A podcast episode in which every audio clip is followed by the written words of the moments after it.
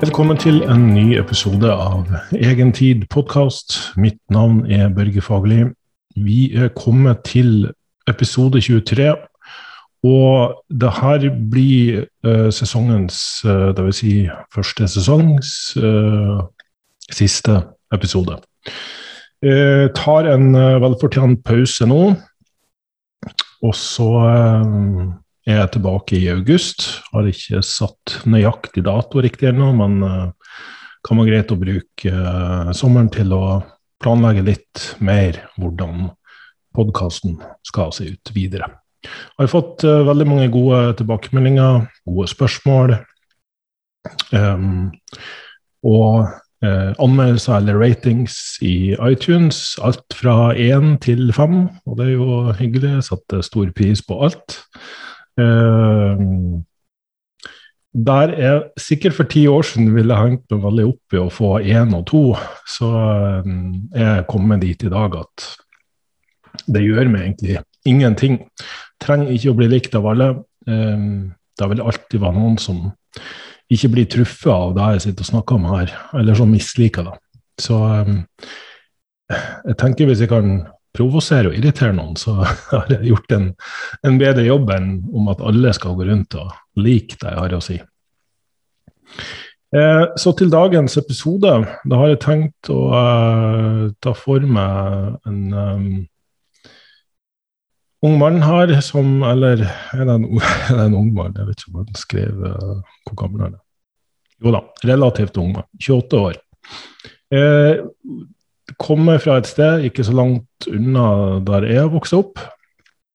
Jeg skal ikke gå veldig i detaljer, i tilfelle den personen her eh, vil være eh, anonym. Og så må jeg nok redigere eh, e-posten hans, fordi den ble ganske lang. Um, men den starta som følger. Hei, Børge. Det er noe fantastisk godt å sitte og høre på en helgelending. Han skriver på dialekt også, så det er jo behagelig for meg. Først vil jeg takke for ditt bidrag til fornuftig innhold i ei suppe av altfor mye populistiske podkaster. Jo, det er bare hyggelig, du. Den her blir lang, så du får holde fast. da skal jeg prøve å spare eh, lytterne for eh, altfor mye informasjon. Korte trekk. Eh, historien min rundt trening. Eh, som mange andre ble det klassiske i form 5 ganger 5-programmet kjørt i gang for snart 15 år siden. Enorm økning i styrke. 17 år og 170 kg i mark og knebøy. Veldig imponerende. Fortsatt i mange år med samme type trening, pluss masse forskjellig sport. Men etter mange, mange skader, uh, med free, uh, freeski i uh, parentes, Brudd i skulderkule, skulder ut av ledd, brudd i kragebein, brudd i håndledd, begge menisk og korsbånd er helt avrevet, låsing av ryggvirvel, uh, all kjernemuskulatur slått ut. Uh, nesten smått imponert over at du fremdeles klarer å skrive en såpass uh, omfattende og velformulert mail. Det har vært mye opptrening, spesielt ryggskaden var vanskelig. Uh, Fokus på eh, stabilisering, kne- og kjernemuskulatur. Uh, som en ny og sterk ung mann endte noen år senere på CrossFit Tromsø. Der var treninga bra, men altfor konkurransetriggende uh, og måtte gi seg pga. for lite restitusjon. Uh, lei utslitt og for lite restitusjon, skada i jobben. Um, dagens situasjon. Pavel Tsatsolin, strong first dukka opp på skjermen min. Den må gjerne sjekke det ut. Enkleste programmet um, Ja, og så er det en uh, lengre utbrodering av uh, ulike kettlebells-øvelser. Enarm swings, um, Turkish get up tre ganger i uka. Um, og så er det hardstyle kettlebell snatch. Ja, det blir mye faguttrykk her, så jeg kan skippe litt her. Men ti ganger ti eller fem ganger 20, to ganger i uka. Uh, Turkish get up, bent press, kettlebell clean press. Litt sånn Eh, tradisjonelle styrke- og eksplosivitetsøvelser. kettlebells og klubbe og eh, ja, ganske mye trening her, vil jeg si. Eh, også sandsekk, farmers walk, knebøy, utfall, eh, lavreps, lange pauser. Tufteparken én til to ganger i uka. Eh, diverse um, turnvarianter og eh, muscle-ups. Eh, ja. Um, all framgangen min baserer seg på step-loading. Kjører aldri til utmattelse, kjører ingen isolasjon. Så kommer vi til oppsummeringa. Jeg har aldri vært så sterk, aldri hatt så stor biceps eller triceps, aldri har kroppen føltes bedre, aldri hatt bedre kondis. Her er det selvfølgelig vanskelig for din del å se hvor mitt utgangspunkt var, og hvordan fremgangen har vært. Hva er dine tanker om galskapen jeg driver med? Eh, og da oppsummerer han også her at Um, med kostholdet Siste uke spiste jeg halvt kilo fersk lamlever. To siste årene har jeg bada minimum tre ganger i uka i fjorden, altså isbading. Badstue tre til fire ganger i uka. Uh, to sistnevnte tror jeg har bidratt massivt på kondisjonen. Det har vært mye, men jeg har mange spørsmål rundt det jeg driver med. Det er langt mellom personer jeg kan diskutere med. Um, håper du har en formening om hva jeg driver med. Og for, forhåpentligvis har du noen tanker om det. Kjære hilsen. Fra mann til mann, kjære hilsen tilbake. Vi prøver å uh, koke det her ned til noe fornuftig uh, budskap for de som hører på. Uh, når jeg får sånne mailer som avsluttes med 'har du noen tanker', så blir det veldig sånn ja, jeg har, jeg har, mye tanker om mangt. Jeg kunne sikkert også og snakka i timevis om uh, en sånn tilnærming. Men det det koker ned til, er jo Du har på mange måter svart på deg sjøl. Der du sier at 'har aldri vært så sterk', aldri hatt så stor biceps eller triceps, aldri har kroppen føltes bedre, aldri hatt bedre kondis. Da eh, tenker jeg at du er hardt ramma av noe som eh, på fagspråket kalles FOMO. Eller eh, oversatt 'fear of missing out'. Eh, det virker rett og slett som om du er ramma av det som jeg har gått gjennom i mange perioder og store deler av min livsreise. Jeg har vært redd for at det går an å gjøre, gjøre det bedre. Det vil si, går jeg glipp av noe? Fear of missing out, redsel for å gå glipp av noe. Eh, det er egentlig et stort problem for vår generasjon, fordi eh, vi har så mange muligheter og valg. Og eh, det her er også kjent som the paradox of choice. Det er ganske mye forskning som viser at jo mer fantastisk ting blir rundt oss, da å bo i et velferdssamfunn i seg sjøl, veldig fint og flott, men eh, baseline, eller terskelen for glede og lykke, blir også høyere. Det vil si vi, vi blir rett og slett mindre glad av å bli eksponert for veldig fantastiske ting hele tida. Og i stedet for å kanskje fokusere på selve opplevelsen, altså selve Altså det du gjør, som i at min mening kanskje virker som veldig mye trening, da, Um, og, og, isolert sett så har du tydeligvis mye glede av det, og du føler deg bra på det. Du har aldri følt det så bra, sier du. Mens i tankene dine, du vil sannsynligvis gå rundt og forestille deg veldig mye at ting kunne vært bedre. Og da er det den forestilte opplevelsen du henger deg opp i. Eh, og, og, det er egentlig da den her FOMO da, koker ned til, det at um, vi på mange måter behandler livene våre som en slags sånn sjekkliste eller poengsum eller score som, som, vi skal nå, altså maksimere før vi dør. Uh, men, men, problemet med det er jo selvfølgelig at livet er ikke et videospill. Uh, og så får vi ikke tre liv, vi får bare ett. Så uh, det er klart vi blir eksponert for veldig mye informasjon og veldig mange impulser, inntrykk fra andre personer. Hva de gjør, hvor bra de ser ut, hva de får til.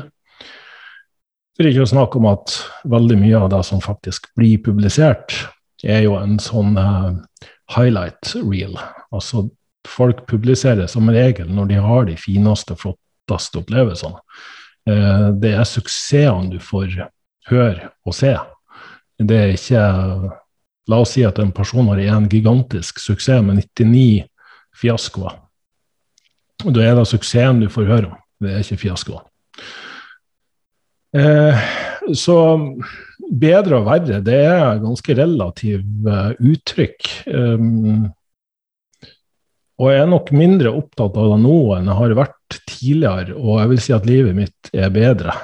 Uh, det vil si at når jeg, ha, når jeg ga litt slipp på ønsket om noe bedre, så ble ting bedre. Det høres litt sånn paradoksalt ut. Um, jeg tror at alle livets opplevelser har ulike kostnader. Og så ønsker du å trene veldig mye, så krever det investering og offer. Uh, jeg har nok sagt det før, men uh, en av mine favorittuttrykk det er eh, hvis du sier ja til det her, hva må du si nei til? Og motsatt, hvis du sier nei til det her, hva kan du si ja til? Så velger du å bruke veldig mye tid på gymmet, på trening, så er det andre ting du må si nei til. Sitter du da på gymmet og ser på Instagram mellom settene, så vil du føle at eh, du burde være et annet sted.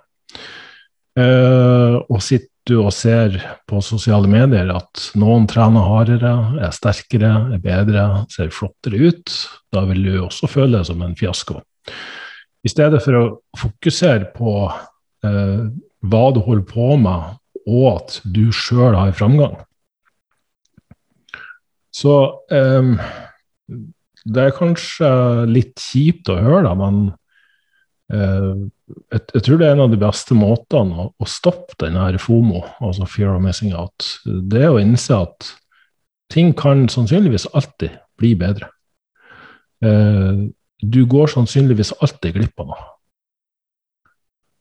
Og her eh, hadde det sikkert vært mer politisk korrekt å si at ja, men du er bra nok akkurat som du er.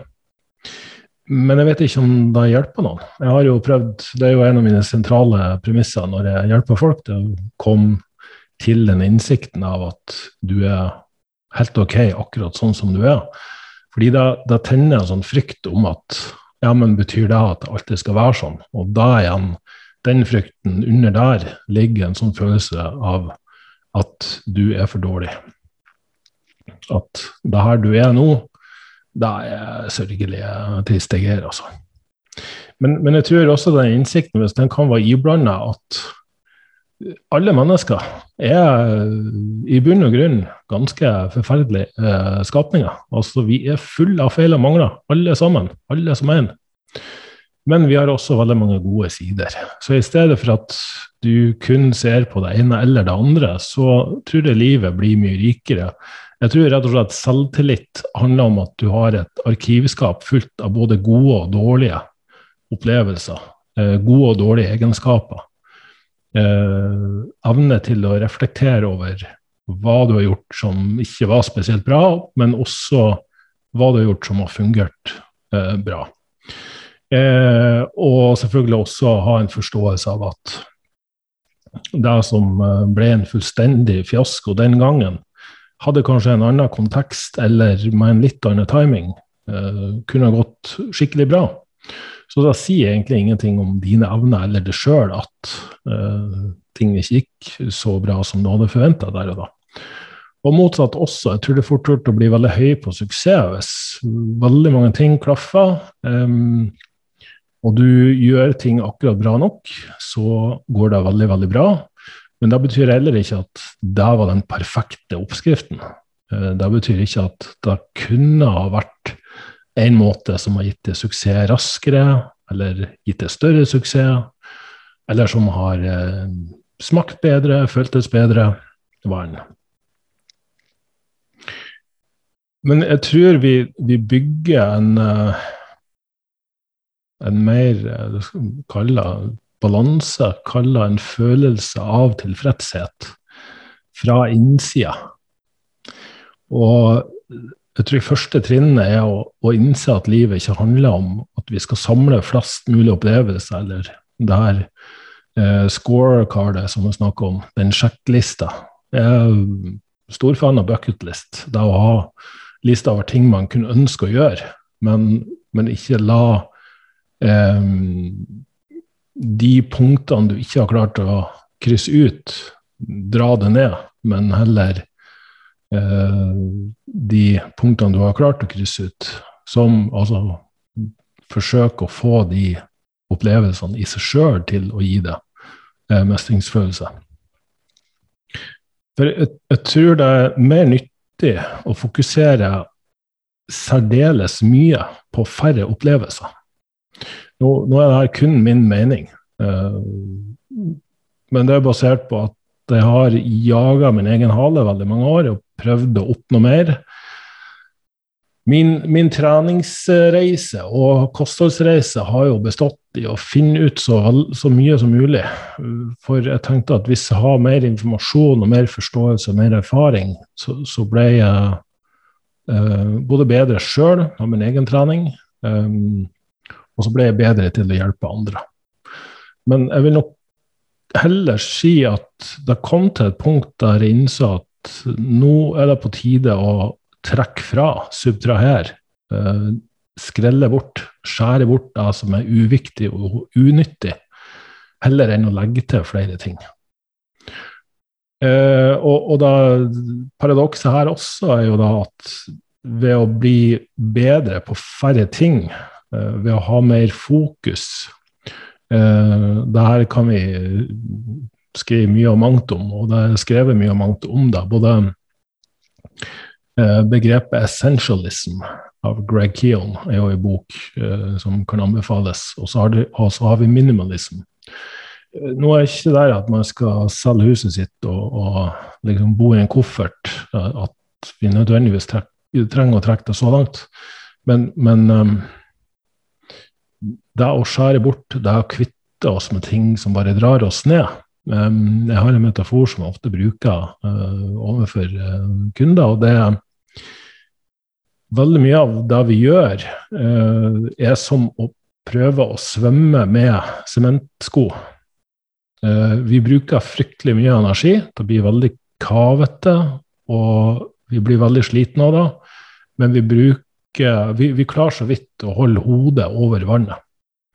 Så ved å fjerne det som trekker oss ned, det som egentlig ikke tilfører, men som heller uh, uh, tømmer oss, så kan den energien vi faktisk bruker, eh, benyttes til framdrift. Og nå ble det her kanskje over, overkant filosofisk igjen, men jeg regner med at de som har klart å høre helt episode 23, har blitt vant til at jeg har en filosofisk side av meg som jeg drar fram i tid og utide. Men, men for, for, å liksom adressere den, denne personens spørsmål best mulig, så, så tror jeg at det er nyttig å, å, forsøke å tenke at du er i en boble. Tenke at det er kun du, at verden der ute ikke finnes. Og hvis du klarer å bli eh, stadig bedre, at du har progresjon og fremgang altså, Jeg vil jo også slå et slag for de som bare er fornøyd med å vedlikeholde, fordi de har sånn trivsel med det de holder på med. Alt trenger ikke å handle om vekst og utvikling. Um, så takknemlighet og tilfredshet for det du allerede har, uh, tror jeg må være på plass først. Og så kan vi ha en sånn nysgjerrighet, uh, være som oppdagelsesreisende for å finne ut om det er mulig å bli enda litt bedre. Men igjen, det er ikke noe som alle trenger å, uh, trenger å fokusere så mye på. Eh, men jeg vil adressere denne frykten for at hvis du klarer å bli tilfreds med det du har, så vil du slutte å strebe etter å bli bedre eller utvikle det. Eh, det, det er to forskjellige energier. Den som er basert på at det er noe i veien med det, som må fikses. Den som eh, fokuserer på hvor, hvor, kjipt og jævlig alt er. Den som handler om å tolerere og holde ut den utviklings- og vekstprosessen kan bli veldig kavete og masete. Den kan bli veldig frenetisk, den kan bli veldig nervøs. Den kan bli veldig sånn Jeg vil bort fra det som er vondt og ubehagelig.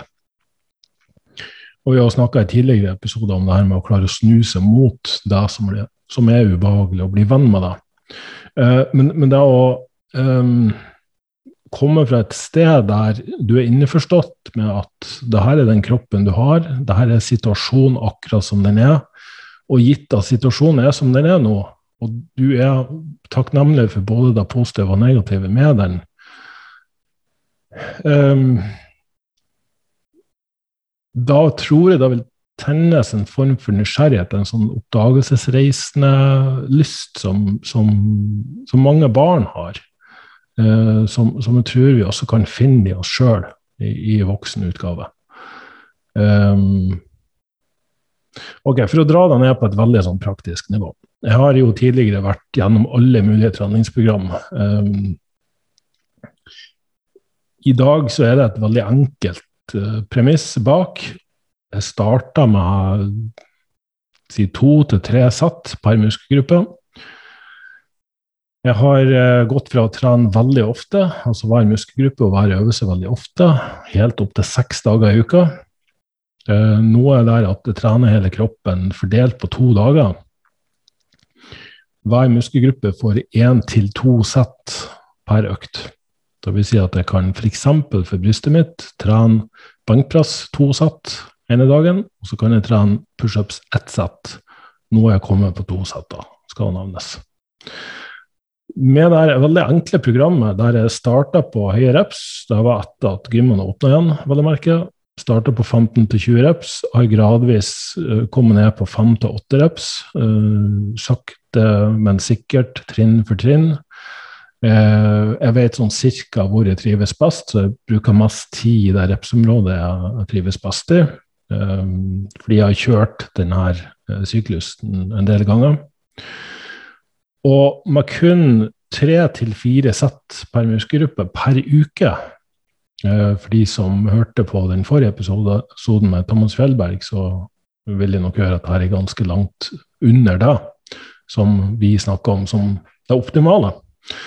Men med et såpass lite volum så er styrke og muskelmasse muskelmassemessig Det er vanskelig ord. Muskelmassemessig. Der jeg var for ett til to år siden. Eh, jeg må jo sammenligne med den perioden etter at jeg slutta på testosterontilskudd. Eh, og kun har min egen produksjon å belage meg på. Men da var jeg vel på mellom 10 og 15. Jeg har faktisk vært opp mot 20 sett per uke. Eh, og har egentlig en bedre Føler meg mye bedre nå. Har mer, like, like god styrke og like mye muskelmasse. Um, er jo langt mindre sliten, selvfølgelig, uh, siden jeg trener såpass lite relativt sett. Men det jeg kjenner nå, er at jeg ser mye mer fram til hver treningsøkt. Jeg trener to ganger i uka, og ikke tre til fire, som jeg har gjort i veldig mange år, og opp til fem til seks, som jeg også har gjort i veldig mange år. Um, så jeg har mer tid til andre ting. Jeg er mye mer tilfreds med hvordan ting er, jeg er ikke så veldig obsesst med å optimalisere, eh, så jeg har et mye mer laidback og avslappa forhold til trening. Eh, det her er nødvendigvis ikke noe for alle, men etter et langt liv med mye trening, så, så er jeg kanskje blitt overraska over at jeg har faktisk klart å øke, jeg har faktisk klart å utvikle meg på dette nivået. Og det interessante nå er jo at nå har jeg litt å gå på. Altså om jeg legger til et sett her og der, eh, som vi snakka om forrige gang, som kanskje var essensen i det vi har lært om hypertrofi, det var å finne ut hvor lite kan du trene for å få best resultater. Og i mitt tilfelle tre til fire sett i uka. Det er så lite jeg kan trene og fremdeles ha framgang. Eh, og så snakker vi også om at det ser ut som progresjon er det viktigste, ikke nødvendigvis området. Det vil si at 5, 10, 15 eller 20 sett per uke ser ikke ut til å bety eh, så mye som at du faktisk øker i forhold til hvor du har vært før. Så det som vil skje med min kropp nå, er at hvis jeg har vent meg til å trene meg få sett, når jeg da legger til ett eller to sett, så kan det i seg sjøl være nok progresjon. Jeg har jo kjørt en belastningsprogresjon veldig lenge. Dvs. Si at jeg har lagt på vekt hver eneste økt. Starta på høyreps, endte på lavreps relativt sett. Så belastningsproduksjonen har liksom eh, gått sin gang, og fremdeles kan det gradvis, sakte, men sikkert, øke eh, med 1 til 2,5 kilo eh, fra uke til uke på mange øvelser, og holde med ca. i samme repsområde. Av og til går jeg litt ned i reps, og så holder jeg på den vekta til jeg klarer flere reps igjen, og så gjentar jeg. Og hvis en øvelse nå vil eh, stagnere og stoppe opp, og ellers føler meg bra, og det ikke er noe som er vondt eller ubehagelig eh, Hvis en øvelse er vond og ubehagelig, da bytter jeg den ut, for å si det sånn. Jeg får stadig vekk det spørsmålet når skal vi variere programmet, når skal vi bytte ut øvelser? Jeg bruker en øvelse helt til den er ubehagelig eller vond, eller bare stagnerer nesten uansett hva du gjør. Eh, men i dette tilfellet det øvelsesutvalget jeg har nå, ser ut til å fungere ganske bra. Følger meg bra på det. Eh, og når jeg da legger på ett eller to sett, så kan det i seg sjøl, den volumøkninga i seg sjøl, være nok til å trigge framgang. Hadde jeg vært hardt ramma av FOMO, så hadde jeg sittet og sett på alle de som trener med 10, 15 og 20 sett og ser så bra ut som de gjør. Da må jo det være svaret. Eh, jeg går glipp av veldig mye gains, veldig mye utvikling, veldig mye muskelvekst ved å ikke trene optimalt. Den mindseten har drevet meg i mange år, og har egentlig gitt svært lite utbytte, må jeg si. Eh, skuffende lite utbytte, må jeg si. Jeg har forsøkt å gjøre ting så optimalt som overhodet mulig, men eh, har jo kommet til det punktet nå om eh, seks dager, når den har episoden publiseres, dvs. Si 21.6, så fyller Børge Fagerli 47 år. Og har jo trent regelmessig med vekter siden jeg var ja, 15-16 år. Eh, ganske regelmessig i hvert fall. Så det er 30 år med trening, da. Og nå er jeg altså der at jeg trener mindre enn jeg noen gang har gjort, og likevel mer fornøyd med framgangen enn jeg noen gang har vært. Men det er klart det krevde litt guts å starte der. Og fordelen med masse koronanedstengning og hjemmetrening med dette vektet, var jo at ja, det var egentlig greit å starte med så lite trening som det her er. Og nå når jeg er såpass tilfreds med det som jeg er, så kan jeg eksperimentere med å legge til litt ekstra trening hvis jeg føler for det. Eh, men det interessante som jeg ser med kundene jeg jobber med over mange år, at um, jeg har fått bedre resultater med mindre trening. Um, og her er vi litt til det jeg sa i stad, med at um, den dagen du innser at det ikke handler om, om mer, om å uh, skvise inn mer, sjekke mer på lista, få en høyere poengsum, men heller om å fokusere særdeles bra på færre ting Altså litt essensialisme og minimalisme i det. Så har også treningsprogrammeringa blitt mer effektiv. Så når folk får like gode resultater på kortere tid eh, på gymmet, eh, så, så er jo det vinn-vinn for, for alle, tenker jeg. Pluss at man har mer å gå på når man starter fra det utgangspunktet. Eh, det som skjer når du trener mye, når du gjør veldig mye, fyller alle dagene dine, det er at fallhøyden blir mye større. Det er at uh, om du blir tvunget til å ta deg uka fri, om du reiser til et sted der du ikke får de, de treningsmulighetene du, du, er vant til, så i hvert fall mentalt så, så vil det her føles uh, helt forskrekkelig. Eh, så fordelen med å ha et litt mer minimalistisk forkorta program er at du, du, har jo mye mer fritid. Det er jo det ene. Du har mer restitusjon. Du har en større buffer for uforutsette hendelser. For at livet møter det optimale hele tida. Og da kan jeg garantere deg, kjære venn, at det gjør det. Enten du vil eller ikke. Men de som da baserer livet sitt på at treningen må være optimal, ja, jeg har hatt mange av de som kunder, og, og, det er ikke noe hyggelig måte å leve på. Det er i hvert fall det jeg kan si. Men selvfølgelig, hvis ambisjonsnivået ditt er at du vil vinne en gullmedalje, hvis du vil bli best i det du driver med, da kommer vi sannsynligvis ikke unna at en viss treningsmengde og frekvens Du må trene mer for å bli bedre. Uh, I hvert fall så lenge det er fokusert. Og så må da veies opp mot og ses opp mot hvor mye restitusjon du har, eh, hvor godt du sover. Eh, aller mest undervurdert er nok søvn og søvnkvalitet. Eh, velernært, nok kalorier. Jeg kunne hatt en egen episode om det å spise nok. Jeg har sjøl gått inn for å spise mer enn jeg noen gang har gjort, reg, altså konsekvent. Og det har kun hatt positive effekter. Og ikke minst stresshåndtering. At du forvalter de ressursene du har, på best mulig måte. Det som skjer når man frigjør mer tid, er gjerne at man fyller den tida med andre ting som er mer eller mindre nyttig. Eh, så det er kanskje også noe å være eh, bevisst på. Eh, men for noen som har trening som jobb, at, at treninga og det de driver med, er karrieren deres, da har de sannsynligvis ikke noen andre stressfaktorer i livet sitt. Så da å bruke den tida godt, dvs. Si til mest mulig hvile og restitusjon, og mental avspenning, er jo sannsynligvis den aller beste investeringa. Så det er, det er, to sider av det her regnestykket du alltid må ta høyde for. Det var du ut, utsetter kroppen for en påkjenning, men det også var du eh, setter av til restitusjon. Altså fravær av påkjenning, sånn at kroppen kan restituere seg. Og jeg vil rett og slett bare bruke denne episoden til å slå et slag for det å slutte å løpe etter sin egen hale. Temaet har vært egentid. Hva bruker du din egentid til? Har du egentid i det hele tatt, eller handler alt om andres tid? Og om den egentida brukes for å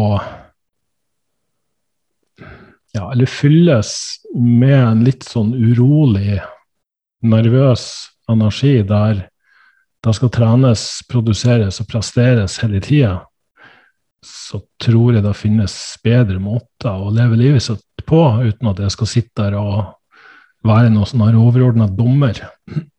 Men min opplevelse i hvert fall at eh, det er mulig å gjøre veldig mye og likevel føle seg veldig ulykkelig, og det er mulig å gjøre mye mindre og likevel føle seg mye mer lykkelig. Eh, og jeg kan med hånda på hjertet, hjertet si at jeg føler personlig at jeg er der nå. Og jeg har også sett uh, at mange av de kundene som kommer til meg, får mye mer utbytte av den tida de bruker, frigjør mer tid og har det også mye bedre med seg sjøl i prosessen, og med de som uh, står de nært. Og det er nok en innsiktsbasert uh, prosess. Det handler ikke nødvendigvis om å finne den optimale oppskriften, det optimale programmet, men, men om å forsøke å resette det sjøl. Kartlegge og se hvor du er nå. Skjære bort og trekke fra det som er unødvendig. Og så bli god på å ha det dårlig. Det er også noe jeg pleier å si. Eh, og med det mener uh, gjør det til venn med det som er ubehagelig og, og vondt. Uh, rett og slett fordi jeg tror et rikt liv handler om å se begge sider. både det som er vondt og ubehagelig, og det som er fint og positivt. Fordi da får du et større spekter av referanseopplevelser. jeg tror ikke det er mulig å være veldig veldig lykkelig uten at du også har vært veldig veldig ulykkelig. Eh, for å, for å si det på den måten. Og i det hele tatt uh, bli mer tilfreds med der du er nå. Uh, reflektere over hvordan det vil være å miste alt det du har nå, for å på den måten bli mer takknemlig både for personer i livet ditt og hvor du er akkurat nå. Aksepter det sjøl med både negative og positive sider. Jeg tror ikke det er sunt å bare tenke negativt om seg sjøl, selv, selvfølgelig, men jeg tror heller ikke det er sunt å bare tenke positivt om seg sjøl. Jeg tror det er sunnest og mest nyttig å være bevisst og klar over sine positive og negative sider, og så gjøre mer av det som du er god på, og jobbe litt med det du ikke er så god på, eller bare innse at du ikke er spesielt god på det, og la andre ta seg av det. Um, skjære bort, kutte ut, trekke fra det som er unyttig, det som trekker det ned. legge til det som drar det opp. Fokusere på der du er nå, og bli glad i prosessen, bli glad i reisen, bli glad i utviklinga. Da skal jeg ikke mase mer om filosofisk eh, pjatt for de som kanskje syns at det her ble litt i overkant. Eh, forhåpentligvis fikk du noe nyttig ut av denne episoden. Forhåpentligvis har du fått noe nyttig ut av denne podkasten. Vil takke for følget så langt, og håper vi høres igjen eh, til høsten, i august, og sesong to. Ha en fortsatt strålende sommer.